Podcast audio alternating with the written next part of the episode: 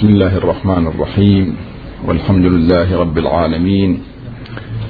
والصلاة والسلام على سيدنا ونبينا سيد الأنبياء والمرسلين حبيب إله العالمين أبي القاسم محمد.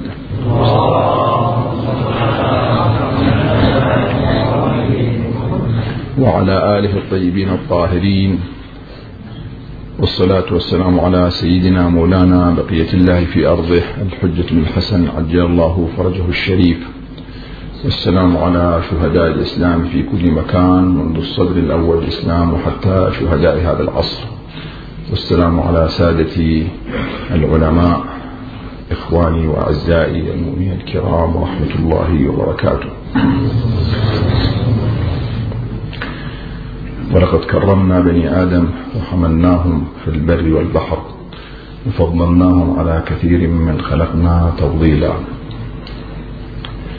في هذه الأجواء العطرة التي شملنا بها الأعزاء من أبنائنا وإخواننا وسادتنا سواء في جو القرآن الكريم أو الذي وضعنا فيه الشبلان العزيزان منتظر ومحمد باقر وجزى الله أباهما عنا أفضل الجزاء بما قدم وأحسن في تربيته وهدايته وتوجيهه أو تلك الأجواء العطرة أهل البيت سلام الله عليهم في مدحهم وثناء عليهم أو في دفائهم وذكر آلامهم ومصائبهم.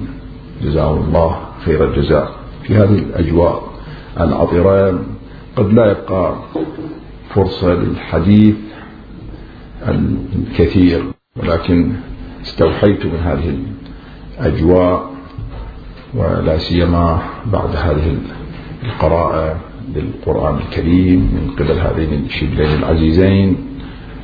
هذه الفكرة فكرة التكريم الإلهي للإنسان هذا الإنسان الذي خلقه الله سبحانه وتعالى ضعيفا كما يشير القرآن الكريم. وخلقه فقير وخلقه كادح هذا الإنسان الذي تمر به البلايا والمصائب والآلام وقد خلقه للبلاء كما أيضا يشير القرآن الكريم إلى ذلك. إنا خلقنا الإنسان من نطفة أمشاج نبتليه فجعلناه سميعا بصيرا. هذا الإنسان الذي له هذه الخصوصيات من الضعف كما يعبر عنه القرآن الكريم. الله سبحانه وتعالى نفخ فيه من روحه ففتح له آفاق واسعة من الكمالات الإلهية عندما يقدح إلى الله سبحانه وتعالى ويسعى إلى الله ويصير إلى الله سبحانه وتعالى. وهذا النموذج الذي شاهدناه في هذه الليلة من أفضل النماذج التي تعبر عن المواهب والطاقات غير المحدودة التي وضعها الله سبحانه وتعالى في هذا الإنسان. وهذا لعله هو معنى أنه نفخنا فيه من روح من روحنا. هذا النفخ في من روح الله سبحانه وتعالى في الإنسان. وضعه في مسيرة يمكن أن يتكامل في هذه المسيرة بدون حدود.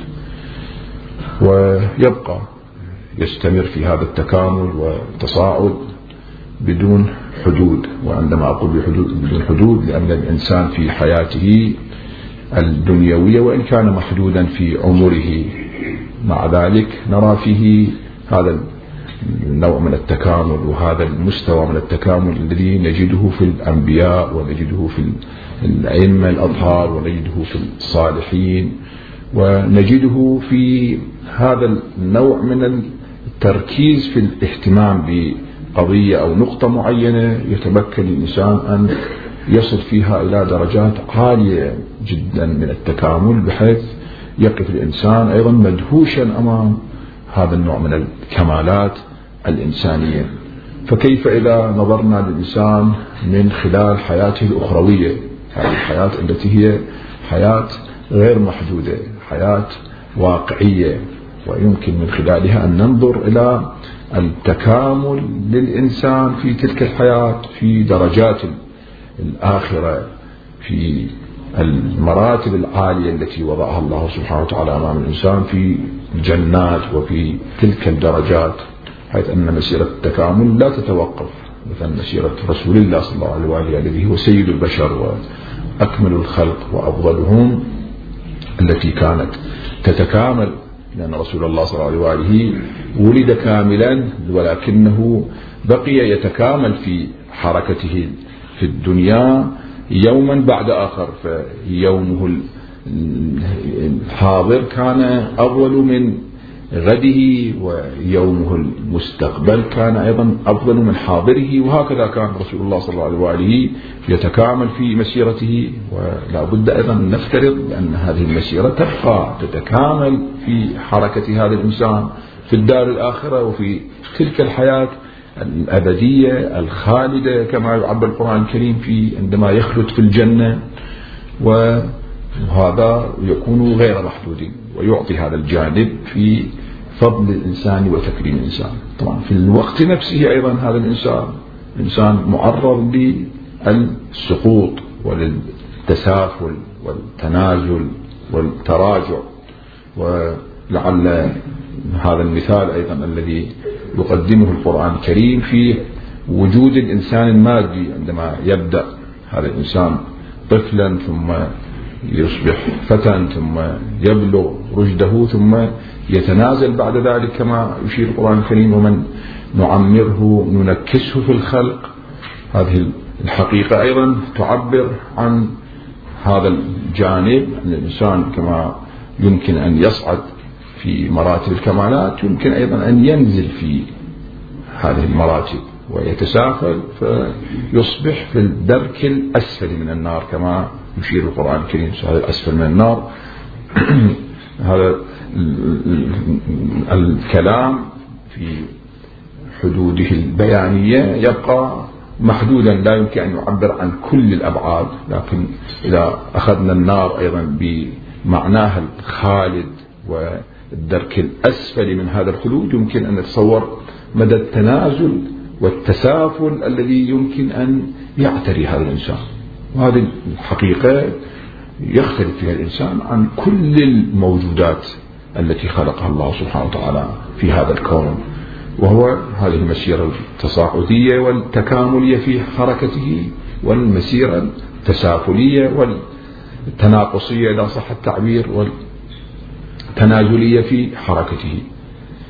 وهذا الموضوع في الواقع يضع الإنسان أمام مسؤولية يعني يضعنا واقعا أمام مسؤولية. الإنسان يشعر أحيانا بالاعتزاز في والفخر في الانتماء إلى هذا النوع الإنساني.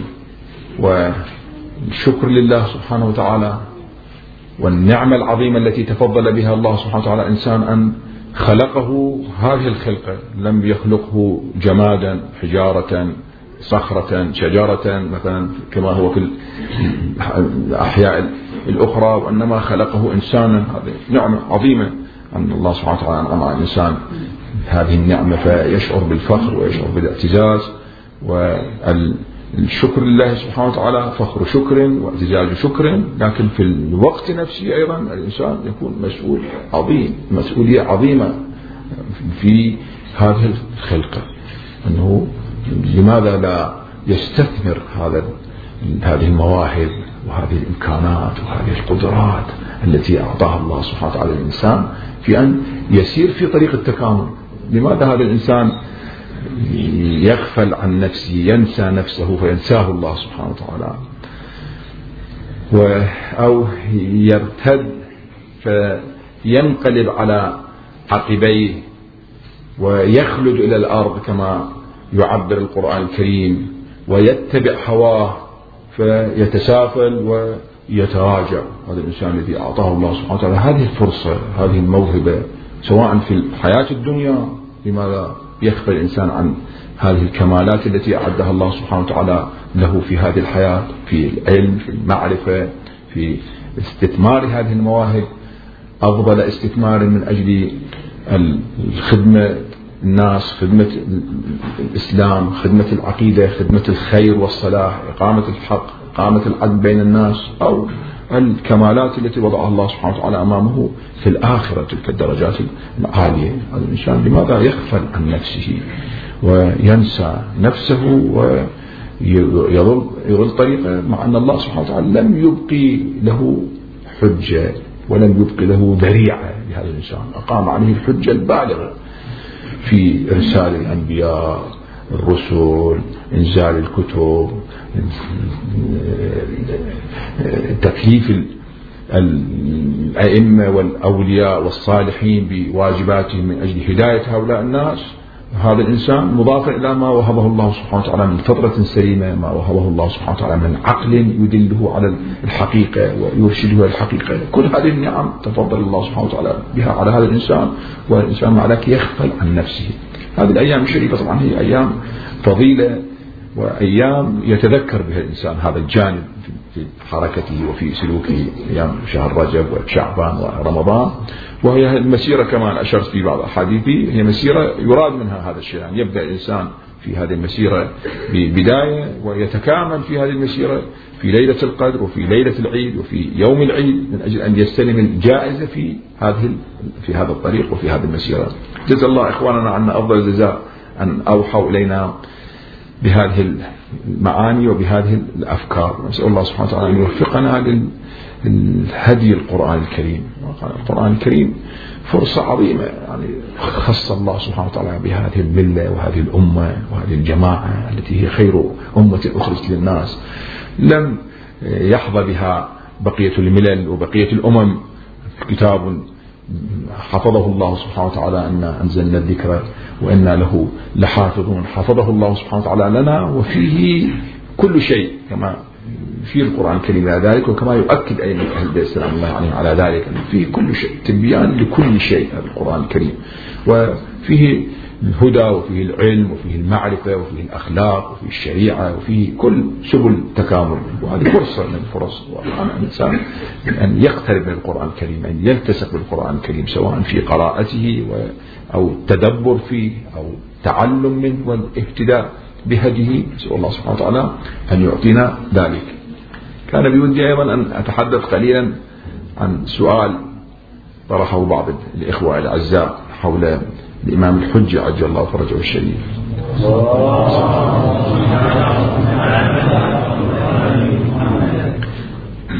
حيث أنه يوجد في بعض الروايات هذا المعنى وهذه الفكرة عن دور الإمام الحجة الإمام المهدي عجل الله فرجه الشريف في غيبته وهو أن نفعه وفائدته إلى الناس هي فائدة ونفع. حتى في الغيبة وهذا النفع شأنه شأن الشمس من وراء الغمام. هكذا يمثل في الحديث بهذا المثال وتصور يصور هذا النفع بهذه الصورة. فكما أن الشمس تبقى تنفع هذا الوجود وهذا الكون بأشعتها وبنورها حتى لو حجبها الغمام. مهما كان هذا الغمام كثيفا مع ذلك الشمس يبقى نورها مؤثرا في حياة هؤلاء الناس وفي حياة هذا الكون وكذلك الإمام يبقى له هذا التأثير. هذا السؤال هو أنه ما هي يعني الصور والمصاديق التي يمكن أن نتصور فيها هذا التأثير للإمام الحجة عجل الله فرجه الشريف في حياتنا. طبعا هناك جانب يرتبط بالإمام الحجة عجل الله فرجه الشريف والتأثير في حياتنا. وجانب عقيدة الإمام الحجة يعني الاعتقاد بوجود هذا الإمام وحياة هذا الإمام ووجود العهد والميثاق بيننا وبينه عهد الولاية والولاء والارتباط به. هذا الجانب من البحث لا يرتبط بهذا السؤال. أنا أشرت ببعض الآثار والفوائد لهذا الجانب من الاعتقاد في كتاب دور أهل البيت في بناء الجماعة الصالحة. فكرة الإمام الحجة وعقيدة الإمام الحجة ما هو دورها وما هو تأثيرها في حياة الناس. هذا جانب. جانب آخر أيضا من الحديث حول الإمام الحجة أيضا وليس محل حديثنا من أجل أن نركز موضوع الحديث. وجانب يرتبط بالجانب الغيبي. الإمام الحجة عجل الله فرجه الشريف في غيبته. يمثل بعدا غيبيا في حياتنا. والغيب هو جزء حقيقي من هذه الحياة بل هو الجزء الأهم من هذه الحياة يعني الشيء المشهود من هذه الحياة والجانب المادي من هذه الحياة الذي نراه ونحسه بحواسنا ونلمسه مثلا بأيدينا. هذا هو الجانب المحدود الصغير في حياتنا. الجانب الأهم والأكبر في حياة الناس هو جانب الغيب. كل حتى هذه الأعمال البسيطة المادية التي نقوم بها نحن في حياتنا العادية وأحيانا نغفل ونتصور أن هذه الأعمال هي كل وجودنا. إذا أردنا أن نحسب حسابها بصورة دقيقة نجد أن جانب الغيب في هذه الأعمال هو الجانب الأكبر. الجانب المادي دورنا في وجود هذه الأعمال يبقى دور محدود جدا والدور الأكبر هو الجانب الغيبي. الإمام الحجة عجل الله فرجه الشريف باعتبار أنه أيضا يمثل جانب الغيب. إذا يمكن أن نفترض أنه في هذا الجانب غير المشهود أيضا له دور عظيم. يعني لا نعرف حدوده وخصوصياته لكن يمكن أن نفهمه من خلال فهمنا أنه الآن هو يمثل حالة غيبية وليست حالة مشهودة ومن ثم نحسب حسابها من خلال الشهود ومن خلال الحس وما ندركه بحواسنا. وإنما هو يمثل حالة غيبية في غيبته ومن ثم فيمكن أن يدخل في ذاك الجانب من عالم الغيب. هذا أيضا بحث له مجال آخر. وإنما السؤال ينصب على الجانب الشهودي لدور الإمام الحجة عجل الله فرجه الشريف والذي يمكن أن يعبر عنه هذا الحديث. سواء هذا الحديث كان حديثا صحيحا معتبرا أو لم يكن معتبرا وإنما هو فكرة مطروحة في روايات أهل البيت سلام الله عليهم ويمكن أن نستوحي من هذه الفكرة بعض المعاني فيما يتعلق بدور الإمام الحجة عجل الله فرجه الشريف في حياتنا. وهذا في الواقع أيضا يفسر هذا الشيء الذي سوف أقوله يفسر إلى حد كبير بعض المضامين الموجودة في الأدعية من الدعاء المعروف الذي نتداوله كثيرا في حياتنا اللهم كن لوليك الحجة الحسن صلواتك عليه وعلى أبائه في هذه الساعة وفي كل ساعة وليا وحافظا وقائدا وناصرا ودليلا وعينا حتى تسكنه أرضك طوعا وتمكنه, وتمكنه منها طويلا. يعني هذا الدعاء في الحقيقة يمثل آه، صورة لحركة يتحرك بها الإمام الحجة عجل الله فرجه الشريف في هذه الساعة وفي كل ساعة. ويفترض أنه له مسيرة هذه المسيرة تنتهي بذلك الهدف الكبير الذي يمكنه الله سبحانه وتعالى من الأرض من كل الأرض ويمتعه فيها أيضا متاعا كاملا في تمكينه. ويطلب أن يرعاه الله سبحانه وتعالى في هذه المسيرة في كل خطوة من خطواته ويدله في هذه المسيرة حتى يصل. هذه حالة قريبة من الحالة الشهودية في حركة هذه المسيرة وفي حركة هذه الدنيا.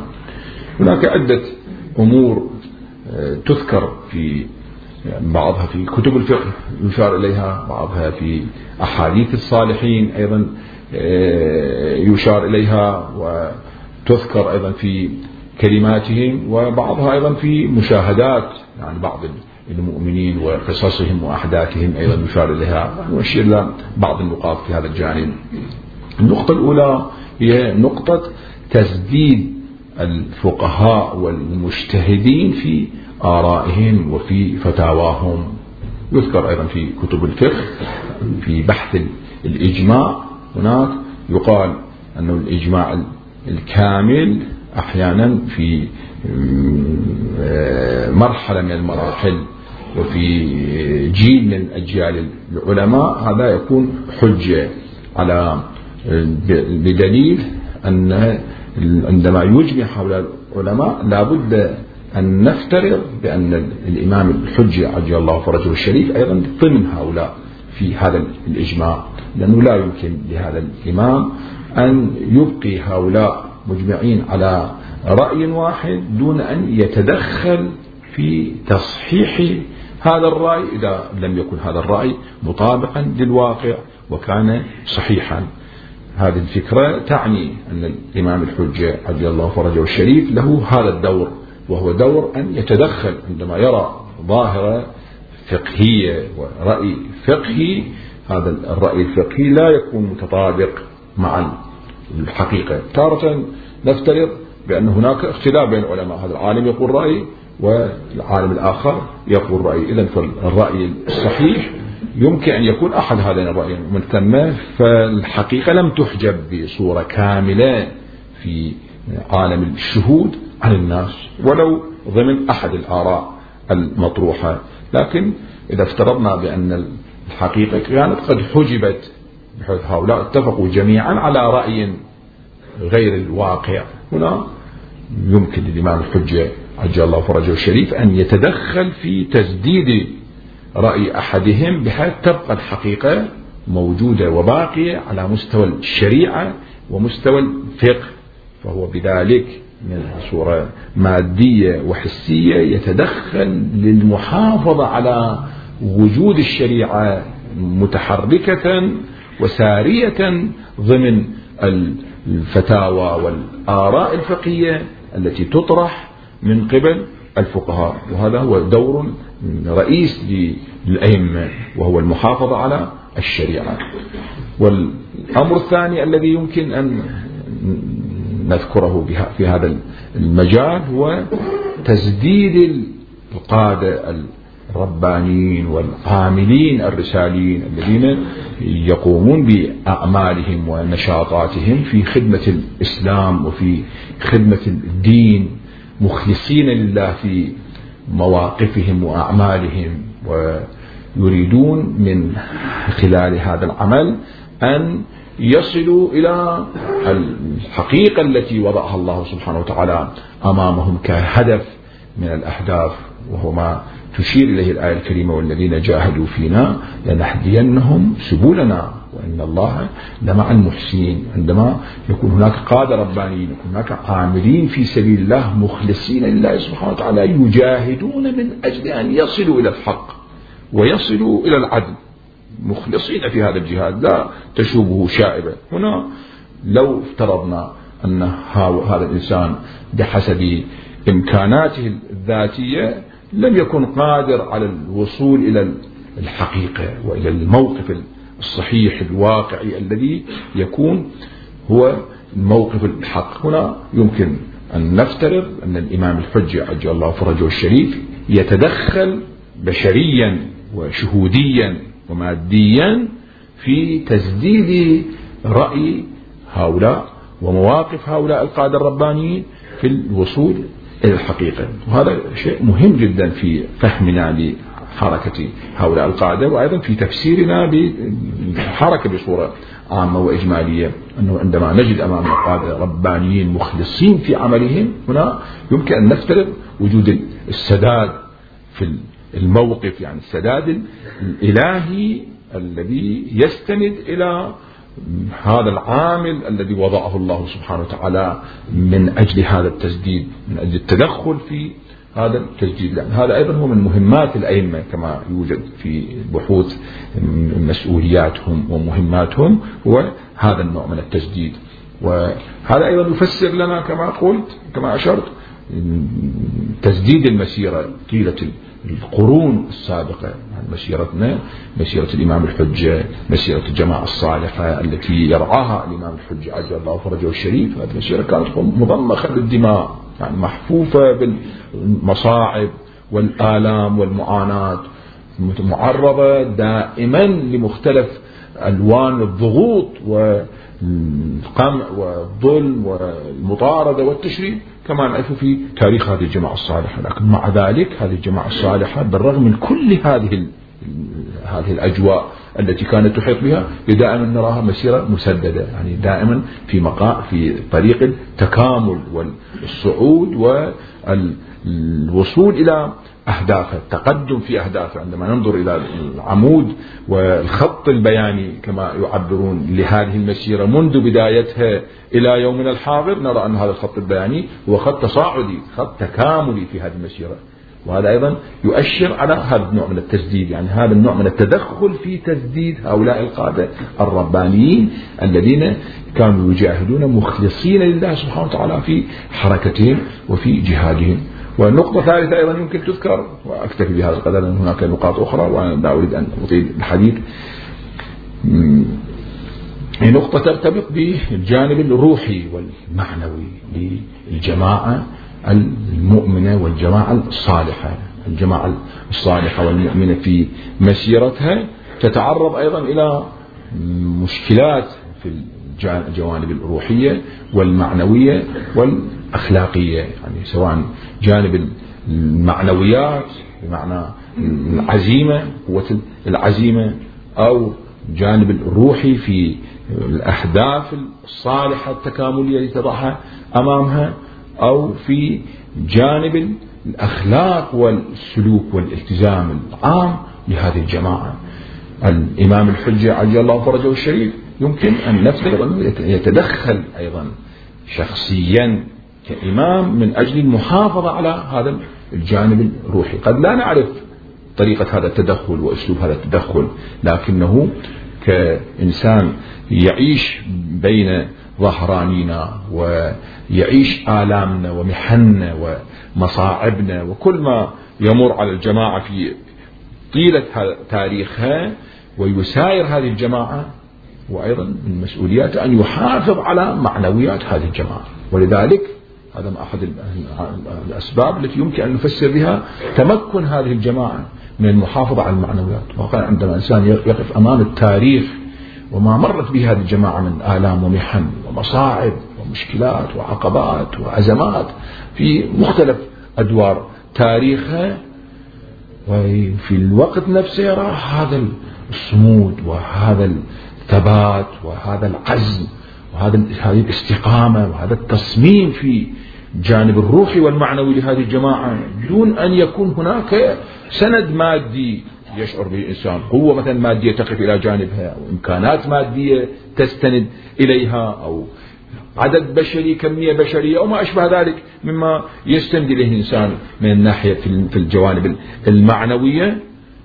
لا يرى أمامه إلا هذا النوع من بعد التسديد الإلهي والرعاية الربانية التي هي فوق كل رعاية وهي فوق رعاية الإمام الحجة نفسه أيضا يرى أيضا هذا النوع من التسديد وهذا الحضور للإمام الحجة عجل الله فرجه الشريف وقد نكمل الحديث في نقاط أخرى وأكتفي بهذا القدر لكنه نحن أيضا في الوقت الذي ندعو الإمام الحجة عجل الله فرجه الشريف وندعو له أيضا نتوسل به ونستغيث به.